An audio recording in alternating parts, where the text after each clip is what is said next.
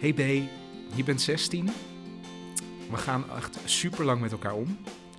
En je hebt me nooit geprobeerd te zoenen. Ben jij gay?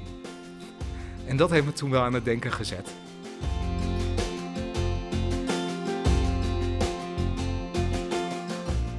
Welkom bij de Rotterdamse Rainbow Stories. Verhalen met vele kleuren van de regenbooggemeenschap. Sommige verhalen zijn vrolijk en luchtig, andere verhalen zijn wat zwaarder. Zoals elke kleur van de regenboog ook anders is. We verzamelen de Rotterdamse Rainbow Stories zodat we meer leren van elkaars werelden. Ik ben Iris. En ik ben Arjan. En wij wensen je veel luisterplezier. Oeh, wat, eh, wat spannend is dit. Ehm, ja, mijn naam is B. Eh, ik woon in eh, Rotterdam samen met mijn vriend Tim. En ik werk voor Rotterdam Pride als voorzitter. En daarnaast ook voor organisatieadviesbureau Accenture.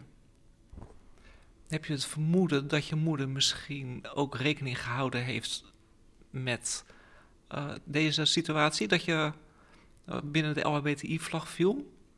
Dat ze dat vermoeden had, dat ze daarom ook naar Nederland is gekomen? Nou, ik ben in Haarlem geboren. Dus uh, ik denk niet dat ze toen, uh, toen al wist, tenzij ze het natuurlijk had kunnen voorspellen. Uh, maar dan had ze waarschijnlijk andere gaven en had ze een andere carrièrepad gekozen. Ehm, maar nee, ik, um, het, het, is toen natuurlijk gegaan. Hè. Mijn moeder is hierheen gekomen, net zoals heel veel migranten hierheen zijn gekomen. Er was gewoon heel veel werk aan de winkel in Nederland. Nederland was zich natuurlijk na de verschillende crisissen en de Tweede Wereldoorlog nog aan het opbouwen. Um, en mijn moeder heeft daar een steentje aan bijgedragen door ook hier te komen en ook hier te blijven. En nou, daar ben ik eigenlijk wel blij mee, want ik ben gewoon in Haarlem en hier in Nederland geboren, waar ik mooie en goede kansen heb gehad, die ik ook, nou ja, wel heb geprobeerd te benutten. Uh, en daarnaast natuurlijk ben ik als ja, gay, Turkse gay jongen, ja, kan, is Nederland en ook van een fijnere omgeving in te zijn dan Turkije. Ja, um de kansen gegrepen? Wanneer begon het voor jou een beetje te spelen of duidelijk te worden van hey, mijn vrienden die vallen op mensen van het tegenovergestelde geslacht en bij mij is dat misschien anders? Wanneer begon dat uh, voor jou te spelen? Ja, dat was bij mij al heel erg jong. Ik denk dat ik een jaar of acht geweest moet zijn. Dat ik al dacht van, goh, ik vind jongens best wel interessant en heel spannend. En ik weet nog heel goed dat ik gefascineerd was door de Weekampgids en de ondergoedmodellen die je daarin had. Ik wist niet zo goed wat er met mij in mijn lijf, in mijn denkproces gebeurde. Maar ik wist wel, oké, hier, hier zit iets. Um, dat is, ja, op, mijn achtste, ik was totaal niet met seksualiteit natuurlijk bezig. Um, uh, en ook in de jaren daarop volgend, natuurlijk word je wel seksueel wat geïnteresseerder.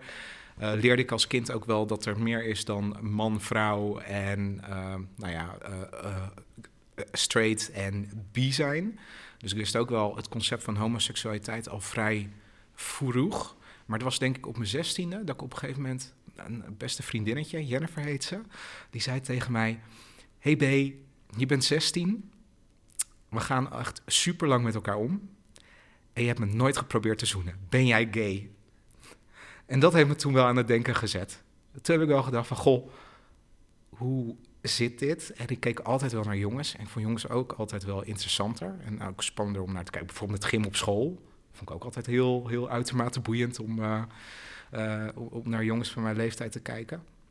Maar ik had nooit de link gelegd, omdat ik zo niet bezig was met mijn geaardheid, met mijn seksualiteit, dat ik misschien homo was. En uh, na die opmerking van uh, Jennifer kwam ik, kwam, kwam ik al vrij snel tot de conclusie: oké, volgens mij val ik op jongens en volgens mij ben ik homo. Nou, dat is best even een, een, een inkijkje op hoe het is gegaan bij jou. Um, wat deed dat met je dan? Want het is toch niet iets wat je in één keer, je wordt op een dag dus wakker en je denkt van, hé, hey, misschien ben ik gay. Nee, dat is ook een, uh, een proces geweest. Ook een lastig proces. Vooral omdat um, ik ook wist dat binnen de Turkse community... dat daar niet zo heel positief naar gekeken wordt. Sterker nog, um, als je een jongen bent, dan trouw je met een meisje. En als je een jongen bent die op jongens valt... dan ga je in meisjeskleding verkleed. Ehm, dan is het een soort van acceptabel. En heb je een of ander creatief beroep, of dan ben je danser. Of nou ja, er zijn allerlei verschillende uitingen voor binnen de Turkse community. Waarin het wel geaccepteerd is dat je op jongens valt, maar dan het een vrij ja, een andere vorm moet aannemen. Dus vanuit die zin is het denk ik een culturele gedachte. Alleen daar kon ik me natuurlijk ook niet in plaatsen. Ik kon me wel plaatsen in de Paul Leeuws op televisie, ehm, in andere role models hè, die ik op televisie zag, waarbij ik dacht van, goh, dit zijn succesvolle mensen, grappige mensen, uh, normale mensen die, uh, tussen quotes normaal natuurlijk, um, die uh, ja, toch zichzelf kunnen zijn op tv en wat, wordt, wat wel wordt geaccepteerd door de samenleving. Dus in die zin is dat wel een beetje een lastig proces geweest om uiteindelijk ook wel nou ja, tot mijn coming out bijvoorbeeld naar mijn moeder toe te komen. Ja.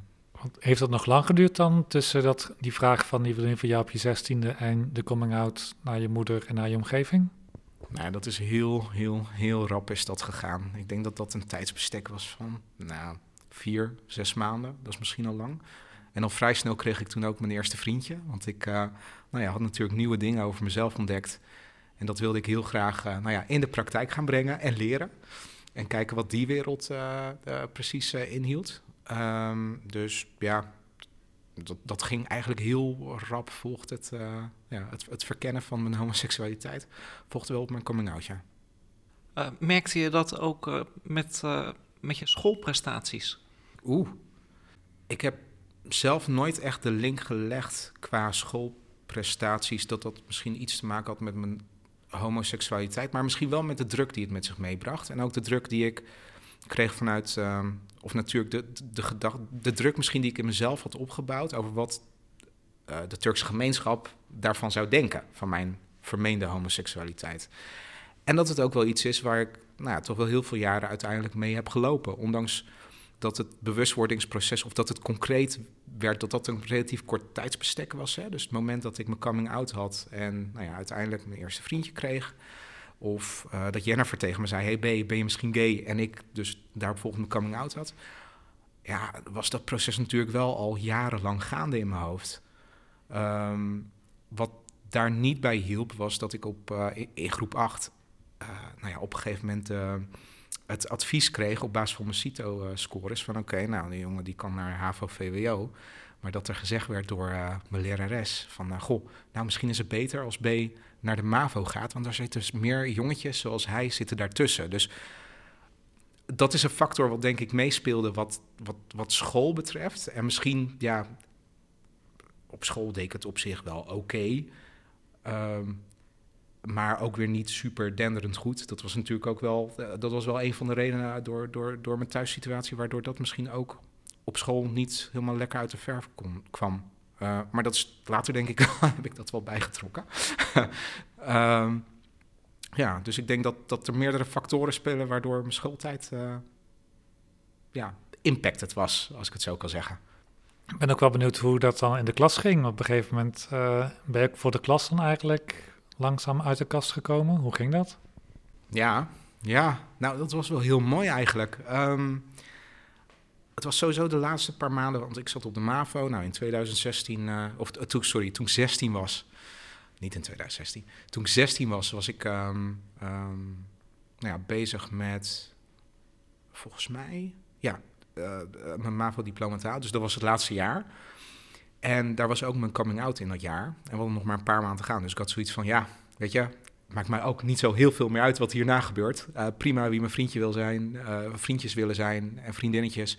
En prima wie dat niet willen zijn. Uh, dus ik ga ervoor en ik maak het kenbaar op school. Nou, daar is door...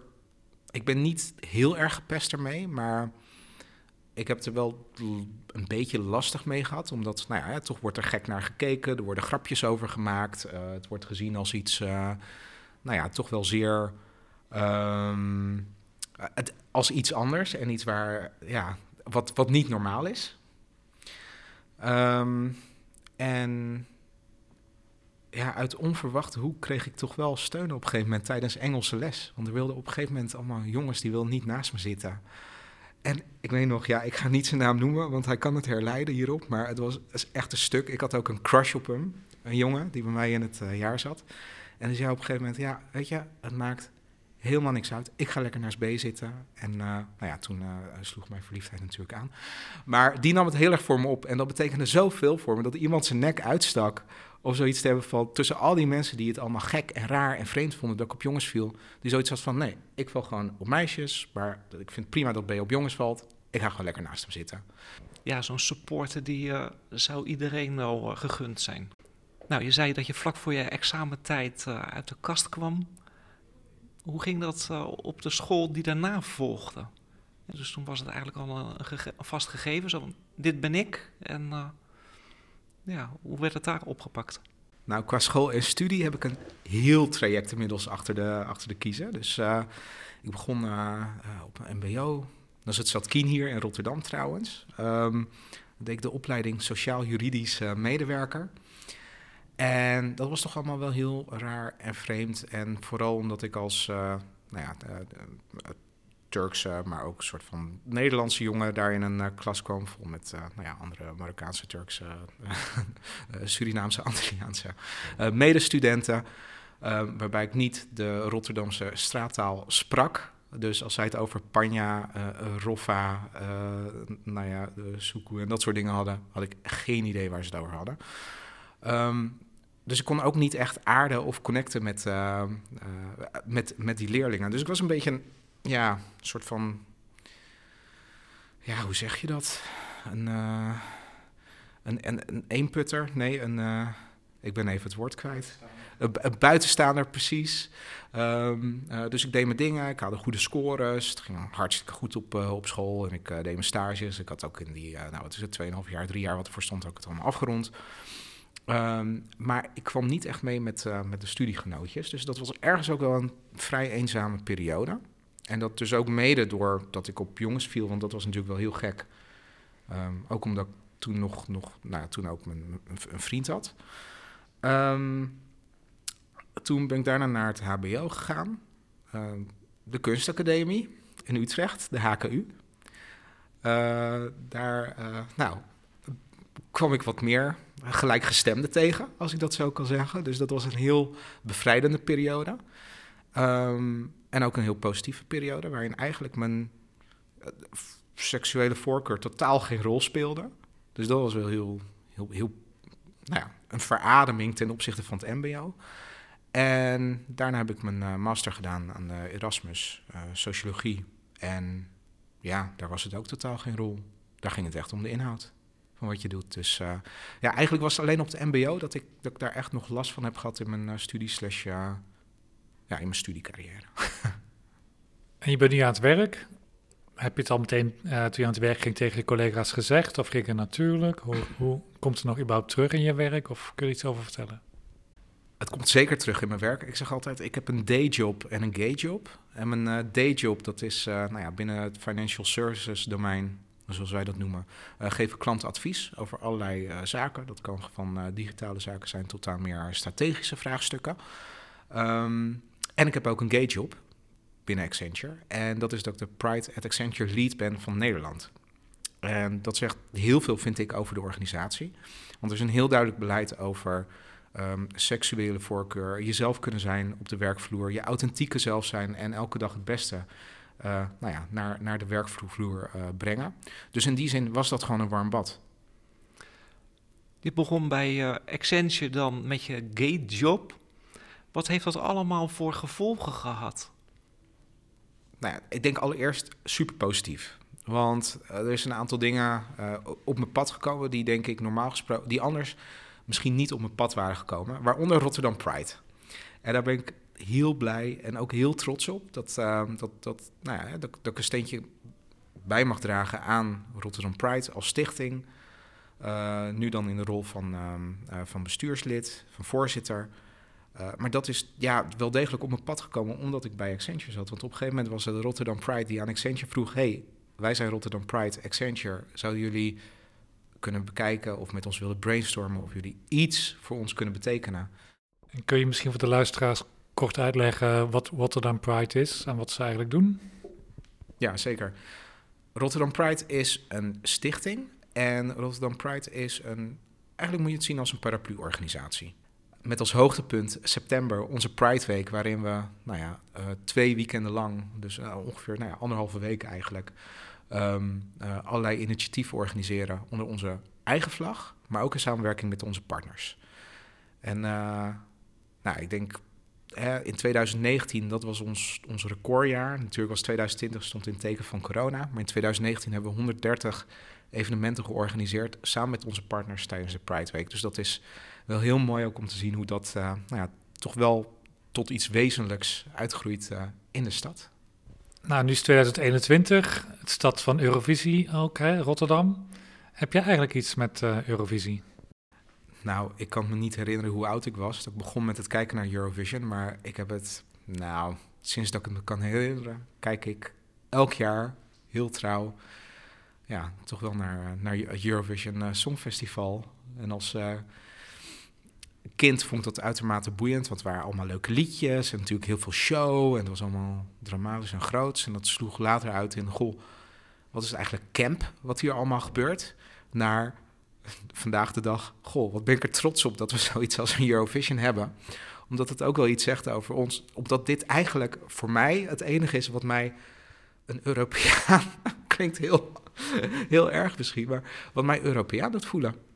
Ik, kan, ik, ik, ik kan me niet bedenken wat we verder hebben, waardoor wat, wat zo nou, iets warms en, en positiefs ergens uitstraalt. Um, wat we met elkaar in Europa delen. Dus uh, ja, er zit ook een ontwikkeling in, in nou, naarmate hoe langer ik het kijk, hoe, hoe, hoe ik ook tegen Eurovision aankijk, bedoel ik te zeggen. En wat is je favoriete liedje natuurlijk? Of meerdere mag ook. Nou, eentje staat me heel erg bij. 2016. Polygenova voor Bulgarije, If Love Was a Crime. Ja, nee, dat is echt, uh, ik vind dat een waanzinnig nummer. Alles komt bij elkaar. Het is uh, nou, toch wel die upbeat en positief van Eurovision. Het is een lekker popnummer. En altijd als ik het nu hoor, dan word ik er zo, zo blij van. Het is gewoon, ja, ik vind het echt een topnummer. Ja. Hoe is het voor jou als LHBT'er, als gay, om in Rotterdam te zijn? Ik denk als LHBT'er Rotterdam heb ik het... Um, um, relatief makkelijk in die zin dat Rotterdam natuurlijk een, eh, een grote stad is. Uh, er zijn natuurlijk heel veel dingen die uh, niet goed gaan binnen, binnen de stad. Maar ik denk dat ik ook echt slechter af had kunnen zijn. Als ik in een dorpje was geboren in Turkije en ik was homo geweest, nou, dan had ik geen gelukkig leven gehad. En ik denk dat nou, het feit dat ik in Nederland woon en ook in Rotterdam woon, wat een grote stad is, um, dat, nou, dat ik het in meerdere aspecten wel heb getroffen. Alleen zoals ik al zei, er zijn heel veel aandachtspunten. Um, en dat blijkt uit ook ja, verschillende onderzoeken. Dus het is ook zeker niet zo dat we op dit moment uh, uh, klaar zijn en dat ik zeg van goh, nou, Rotterdam is een fijne stad voor de LHBT'er. Nee, zeker niet. Uh, op het gebied van biculturele jongeren is er heel veel werk aan de winkel. Op het gebied van transseksuelen en veiligheid is er heel veel werk aan de winkel. Um, en zo zijn er nog tal van onderwerpen, bijvoorbeeld discriminatie, wat nu weer hè, met de politie toch, toch naar voren komt, wat impliciet ook onze community natuurlijk raakt. Um, is er nog heel wat te doen of te verbeteren in de stad. Maar tegelijkertijd zie ik ook dat ik persoonlijk um, veel slechter af had kunnen zijn. Ja, dat zijn de leerpunten waar de, waar de groei mogelijk is. Maar wat zou je aanraden voor de mensen die naar Rotterdam toe komen. Wat is er gaaf in Rotterdam en, en wat is tof? Rotterdam Pride is natuurlijk heel gaaf en heel tof. Dus in september raad ik iedereen aan om naar Rotterdam te komen. Mits het dit jaar natuurlijk mag van corona of een andere pandemie. Maar daar gaan we in de toekomst niet vanuit en echt niet voor plannen. Uh, maar daarnaast natuurlijk, ja, wat super tof is aan Rotterdam. ik word altijd heel erg blij van de skyline. Dus als ik langs de Erasmusbrug loop en ik zie hoe mooi onze stad is, dan denk ik: oké, okay, dit is wel echt een gave, toffe stad.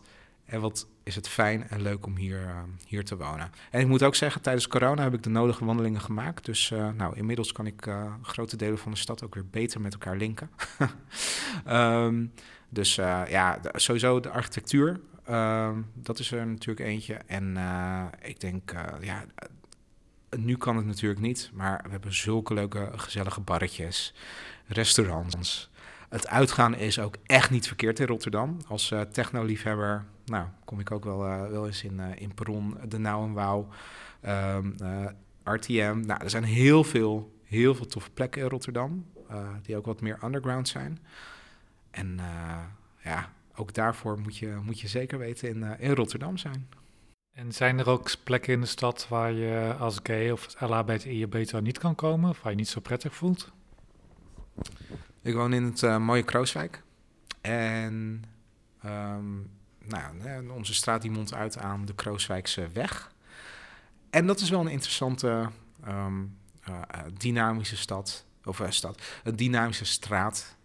Ehm, en een straat die af en toe dubieus kan zijn. Dus als ik daar met mijn vriend rondloop, dan hou ik niet gauw zijn hand bijvoorbeeld vast. Want ik weet dat we daar allerlei verwensingen naar ons toe krijgen.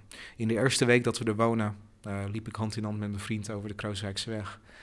En ja, op een gegeven moment werden we getailgate door allerlei, uh, door een groepje jongens, uh, mensen die vanuit auto's allemaal dingen naar ons hoofd aan schreeuwen waren. Ja, dat is ook alweer 6,5 jaar geleden, maar toch, ja, het, draagt toch niet bij aan mijn beleving van veiligheid in eigenlijk al de straat, gewoon een blokje om, bij waar ik zelf woon. Dus ja, vanuit die beleving zie ik ook niet, denk ook niet van, goh, nou, dit, dit is iets of, of laat ik in, in Rotterdam nou uh, openlijk tonen dat ik homoseksueel, homoseksueel ben? Dat, dat doe ik liever dan binnen kamers in plaats van open bloot op straat. Vind ik nog een stap te ver. En dat wel allemaal hè, in alle eerlijkheid en reflectie naar mezelf toe. Op basis van een ervaring van 6,5 jaar geleden. Maar het zegt wel iets over, over de impact die het kan maken. Denk ik. Vind ik. Wij vragen ook altijd: wat zijn jouw tips om de stad inclusiever te laten zijn? wat zou nou helpen om dat iedereen zich prettig voelt? Maakt niet uit welk onderdeel van de regenboogcommunity die is. Ja, nou, ik denk dat het allemaal valt of staat bij ehm, het erkennen dat we niet inclusief zijn in een beginsel. En dat we als mens zo geprogrammeerd zijn dat we altijd denken in ik, wij en de ander.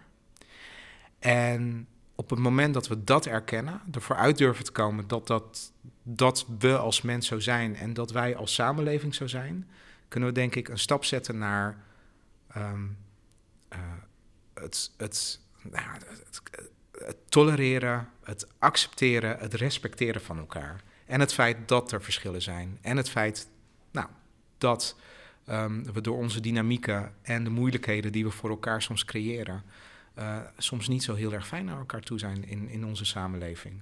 Dat is heel abstract misschien, maar ik hoop dat jullie een beetje begrijpen wat ik, wat ik daarmee bedoel. En ik denk dat in elk geval daarbij wel, daarop aansluitend mijn derde punt is, wees gewoon lief voor elkaar. Ik bedoel, het is, we, leven in zo'n overassertieve samenleving waar alleen mensen die. Um, nou ja, waar, waar mensen die de grootste mond hebben, hè, waarbij alleen die mensen aan bod komen die uh, voor zichzelf opkomen en klagen over dingen. En vervolgens alleen maar bezig zijn met uh, nou ja, problemen haast op te zoeken in plaats van problemen op te lossen. Dat ook heel veel mensen die niet of wat minder communicatief vaardig zijn of wat minder op de voorgrond durven te treden, ja, dat die meningen ook achtergeschoven worden. En in die zin zijn we eigenlijk helemaal, vind ik, niet zo lief voor elkaar. En totaal niet lief met elkaar bezig. Dus ja, dat, dat zijn drie dingen. Dus accepteer dat je niet inclusief bent. Uh, respecteer, tolereer, uh, accepteer elkaar. En punt drie is, uh, wees nou eens gewoon eindelijk eens een keer lief voor elkaar. dus dat zouden mijn drie tips zijn om inclusiever te worden als mens, als samenleving, als stad. Ja, lijkt me gewoon heel mooi om hiermee te stoppen. Mooi krachtig eindstatement. Ik uh, vind het erg leuk dat je hier geweest bent. Enorm bedankt, B. Ja, tot de volgende keer. Dankjewel, B. En uh, we gaan de, de, de, stad nog veel mooier maken en heel lief zijn voor elkaar. Daar sluit ik me volledig bij aan. Dank jullie wel. Dankjewel voor het luisteren naar de Rotterdamse Rainbow Stories. De Rainbow Stories zijn voor iedereen die er interesse in heeft en zeker voor wie bezig is met zijn, haar of diens identiteit. Deze verhalen zijn een aanloop naar het Eurovisie Songfestival verzameld door Arjan Beunen en Iris van der Graaf vanuit COC Rotterdam. Mocht je na het luisteren van de podcast vragen hebben over genderdiversiteit of seksuele oriëntatie, kijk dan op coc.nl of cocrotterdam.nl voor telefoonnummers en andere mogelijkheden voor contact. We helpen je graag. COC is een vrijwilligersorganisatie die opkomt voor de rechten en acceptatie van de regenbooggemeenschap. Wil je ook het COC steunen? Word dan lid, of word vrijwilliger, of doneer, of doe het allemaal. Kijk hiervoor op cocrotterdam.nl of op coc.nl voor een COC bij jou in de buurt.